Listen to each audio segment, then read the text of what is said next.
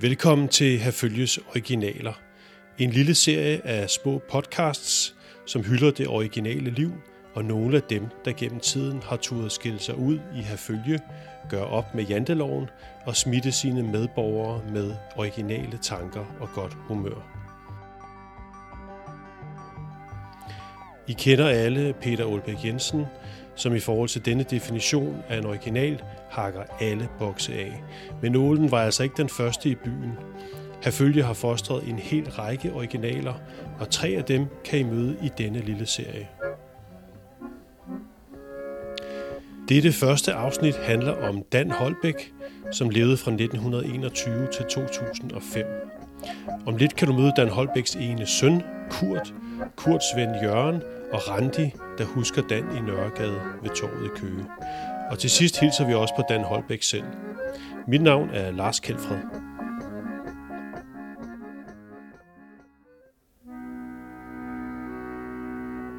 Dan Holbæk kom oprindeligt fra Hornstrup ved Vejle.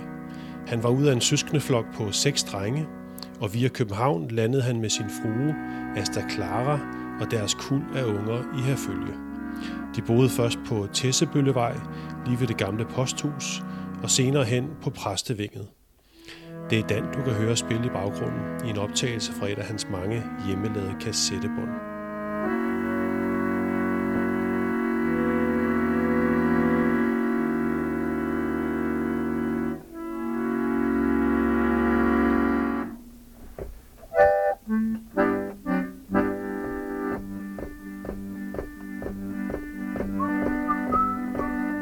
Dan Holbæk var en mand af godt humør, og han levede for at give det videre. Det var næsten som om, han var på en mission. Han var en forklædningsmester og ophav til en endeløs række af practical jokes, som gik ud over både familie og kolleger. Han uddelte med løs hånd bolcher og hjemmegjorte lykkeamuletter til værdigt trængende og var et kendt ansigt, når han kom kørende på sin hjemmebyggede cykel. Altid med en hilsen til dem, han mødte på sin vej. Jeg har aftalt at mødes med sønnen Kurt, så vi kan høre, hvad det var for nogle sjove ting, hans far rendte rundt og lavede. Nu er vi gået til præstving nummer 6, hvor mine forældre de flytter over. Og der er også rigtig mange gode historier herfra, fordi øh, min far han gik jo på efterløn øh, på det tidspunkt, de flyttede over her. Og der begyndte han jo så rigtig at lave musik, indspille musik på, på bånd, som han får rundt omkring blandt andet til de store russiske skibe, der kom øh, til Køgehavn. Og der fik de sådan et bånd, han har indspillet med, en masse god øh, folkemusik.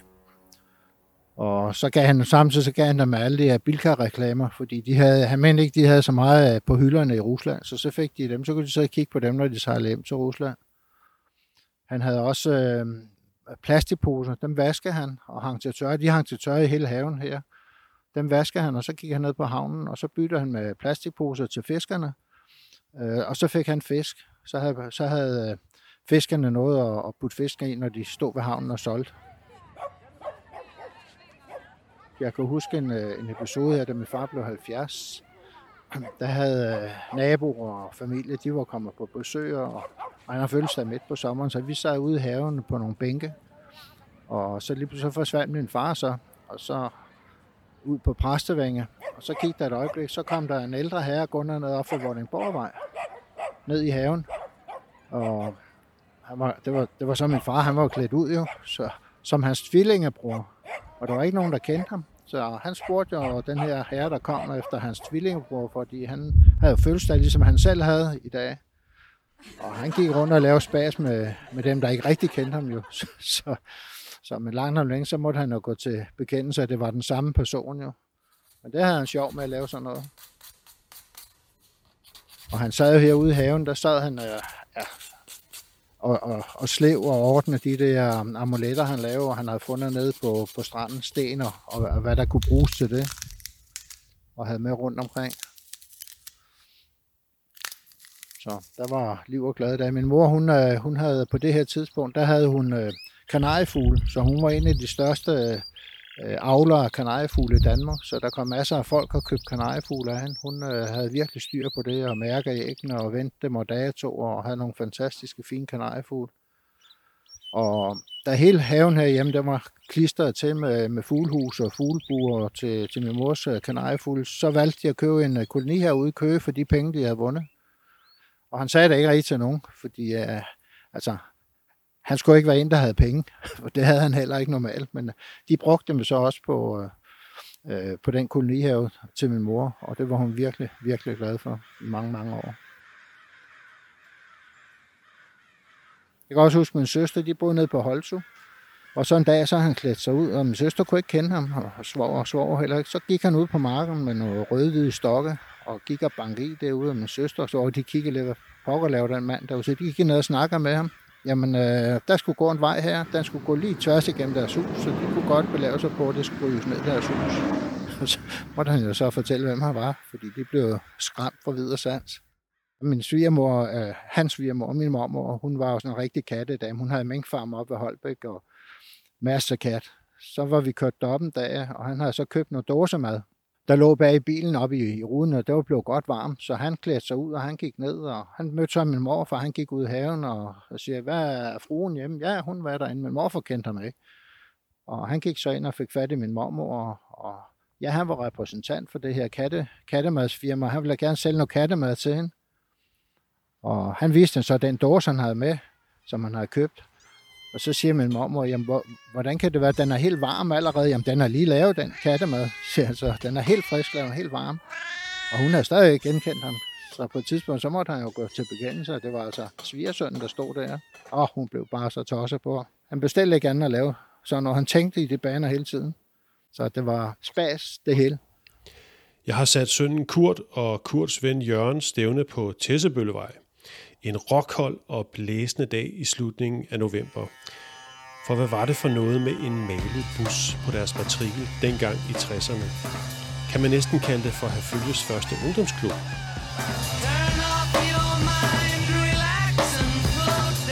Hej Jørgen. Hej Kurt. Hej. Kan du huske dengang, at vi havde bussen øh, her på Testbølvej 2?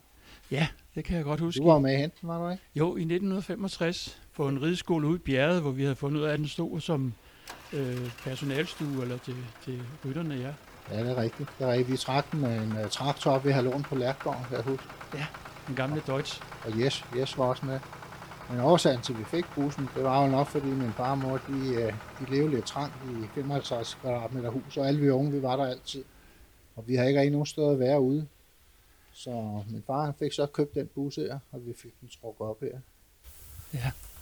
Og det, jeg kan lige så tydeligt huske, at vi kørte, fordi der var servostyring, og der var ikke så meget luft i dækkene. Så den stakkels mand, der, der styrede bussen, han blev trukket der. Han øh, var godt træt i armene, da vi nåede hjem efter 22 km. Ja, ja. ja. Men øh, bussen, den øh, måtte jo ikke stå der. Der var jo naboklager og ja, jeg kan, jeg kan dårligt huske, hvordan vi kom af med den, men øh, vi havde den et par år, og så måtte den så afsted. Det var oppe i Sognerådet, og Hjelm Jacobsen og var formand for sovnerådet dengang. Jeg kan huske, at, at de, din far fik det alternativ, at han skulle rejse et rækværk hele vejen rundt om grunden på en meter 80, og det overvejede vi faktisk på et tidspunkt, hvad det ville koste at rejse det rækværk der, men ja. vi fandt ud af, at det var noget, der var dyrt, vi, vi havde råd til. Vi kan også huske, at vi tilbyder gravet ned. Ja, det er rigtigt. Ja, det gjorde vi. Ja. og min og søster havde malet den så pænt med, hvad hedder den, røde og med gul og gul og, Gul og, ja, gul og hvidternet, ja. ja. Det var, det var gode tider. Og vi havde fået indrettet den helt den ene halvdel, der havde vi ryddet sæderne, så vi kunne danse og spille musik. Dernede den anden halvdel, der havde vi vendt sæderne om, så vi kunne sidde og kigge på hinanden med bord imellem. Jeg kan huske, at han, øh, han fortalte, at han øh, havde fundet, fået fat i en stor ål nede på havnen, og den tog han med ind, og så sad han og fiskede inde i kloakken, inde på Højgaard og Schultz. Så der, på det tidspunkt var der mange øh, indvandrere øh, fra, fra Tyrkiet, der var inviteret op for at arbejde. Og så sad han og fiskede det, og der var sådan en helt en hel kødvaren rundt omkring ham, og så lige så hiver han den her store ål op af kloakken. Og de var jo ved at falde ned, at man virkelig kunne fiske sådan nogle store ål inde i kloakkerne i København der. Så. Og så griner han lidt af det. Og han havde også han havde en udstoppet rev, den havde han så også taget med derind. Og de havde sådan et sted op for kantinen, de kunne stå og kigge ned i, i anlægget, hvor de får øh, vild kat. Så har min far sat øh, rev ned imellem alle de der katte der, og så siger han, så de står og kigger ud af vinduet og siger, nej, der er en rev nede ved kattene. Nej, alle folk, de kommer over og står og kigger ud af vinduet, der står en rev. Så sagde min far, nu går jeg ned og jager den væk. Jeg skal ikke spise kattens mad. Så han gik ned og listede sig hen til den, og så kaster han sig over den og slås med den der nede i buskage der. Og afstanden var jo så sådan, så de kunne ikke rigtig se, at den var udstoppet. Jeg kan også huske, at han, øh, der var strække, og så var, var det lockoute. De var lockoute fra Højgaard og Schulz. Og så min far, han øh, fik den idé, at han skulle ind og lege lockout-kontrol, så han klædte sig ud. Han var rigtig god til at klæde sig ud. Og ind på direktionsgangene deroppe, der sad en masse øh, direktører noget. De var ikke lockoute, så han kom ind, og han bankede på og kom ind og sagde, ja, det er lockout-kontrollen. Jeg skal lige se, om I overholder reglerne, og ikke I sidder og arbejder herinde. Så de kendte ham ikke de først, så de slæbte alle mulige Øh, dokumenter og noget op og viste min far. Men så længere ned ad gangen, der var en der, så kendte ham, og så ringede de derned og sagde, nu kommer Holbæk, nu skal han ned og lave nummer med jer. Randi Pedersen husker tydeligt Dan Holbæk fra når han sad i Nørregade og lavede musik sammen med nogle af de børn, der var kommet forbi. Jeg mødtes med Randi ved Dans faste plads lige foran Køge Museum. En kold og ret blæsende januardag, så det er altså ikke deres lytterapparat, der fejler noget. Det er blæsten, der river i mikrofonen. Vi lader lige Randi skrue tiden 25 år tilbage.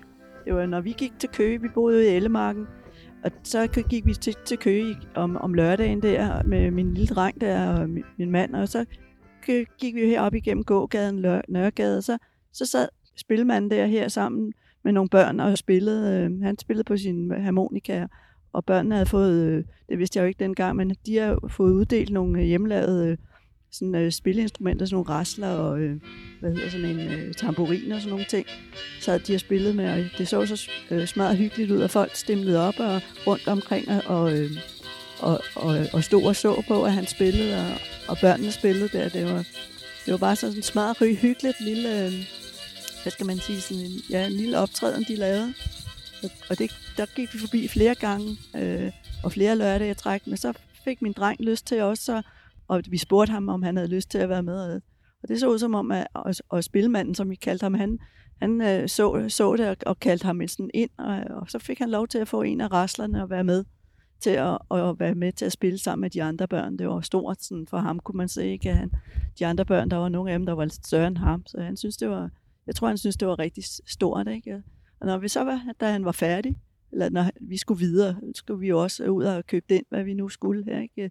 Så skulle han, øh, så skulle han lige have en to kron, og, og, øh, og så og måske også nogle af de der stenamuletter, som, som han havde, havde lavet selv, kunne man se, i sådan en øh, uh, uldsnor. Så, så fik han at vide, at den der to kron der, der skulle han ikke bruge til slik. Han skulle købe en, uh, en gulerod eller en banan op på torvet. Det er jo helt vildt stort. Altså, det, det bliver jo meget mere farverigt lige pludselig, ikke? At der er at der er sådan en original, eller hvad skal vi kalde dem, på den gode måde, vil jeg sige, ikke? at han sidder der og, øh, og giver så meget af sig selv på den måde. Altså når man så kigger tilbage og tænker tilbage, ikke, så er det jo, det, han giver jo enormt meget af sig selv, for, og i starten, der, der tænkte man på, eller jeg havde det i hvert fald sådan inde i hovedet, kunne vide, hvad går det ud på? Er det, altså første gang man går forbi, så tænker man, skal, hvad skal han ud af det? Ikke? Øh, man tænker automatisk, der må være en eller anden bagtanke. Ikke? Og det, altså, det var ren og skær øh, sådan, øh, glæde, føler jeg, at han gav videre. Ikke? Øh, og, og øh, også den måde, man kunne høre, at stemningen var rundt omkring ham, når jeg sådan, nu kan, føler jeg også, at det altid, som vi snakkede om før, at det var, at det var solskin, ikke? Når, når det var lørdag, at vi gik op. Men der var, der var bare sådan en positiv og rigtig dejlig og varm glæde omkring, at han, han stod der eller sad der og, og havde børnene med i, det, i hele det der sceneri. Ikke? Altså, og, og bagefter så tænker man, det er jo utroligt, altså det er jo nærmest en institution, eller har været det i sig selv, ikke? fordi der er ikke nogen, der har bedt ham om det. Han har bare gjort det af egen øh, øh, fri og vilje og gode, sit gode hjerte, ikke? Øh, og de der stenamuletter og sådan noget. Og jeg har også snakket med ham et par gange om, at han gik meget op i at passe på naturen og sådan nogle ting der, ikke? Og noget med glæde og harmoni i verden. Og, sådan som jeg husker det i hvert fald.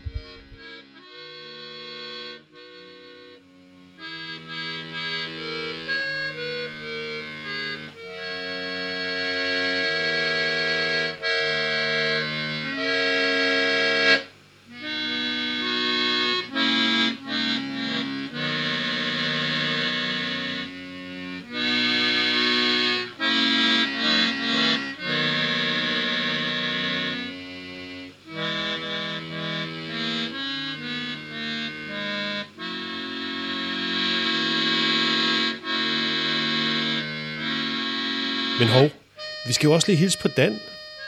Her er han fredag sin hjemmebryggede kassettebånd i en fin lille hilsen til besætningen på skibet Anna Sofia. Ja, vi skal have en lille musikalsk rundrejse med det gode motorskib Anna Sofia af Køge og en sjov besætning.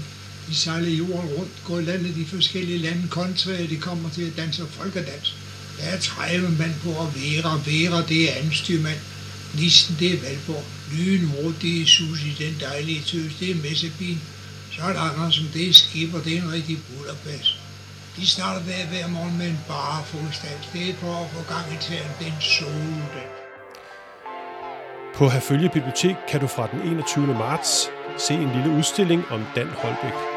Sønnen Kurt har venligst udlånt Dans instrumenter og mange andre fine ting fra hans tid. Kig forbi. Mit navn er Lars Kjeldfred. Tak fordi at du lyttede med.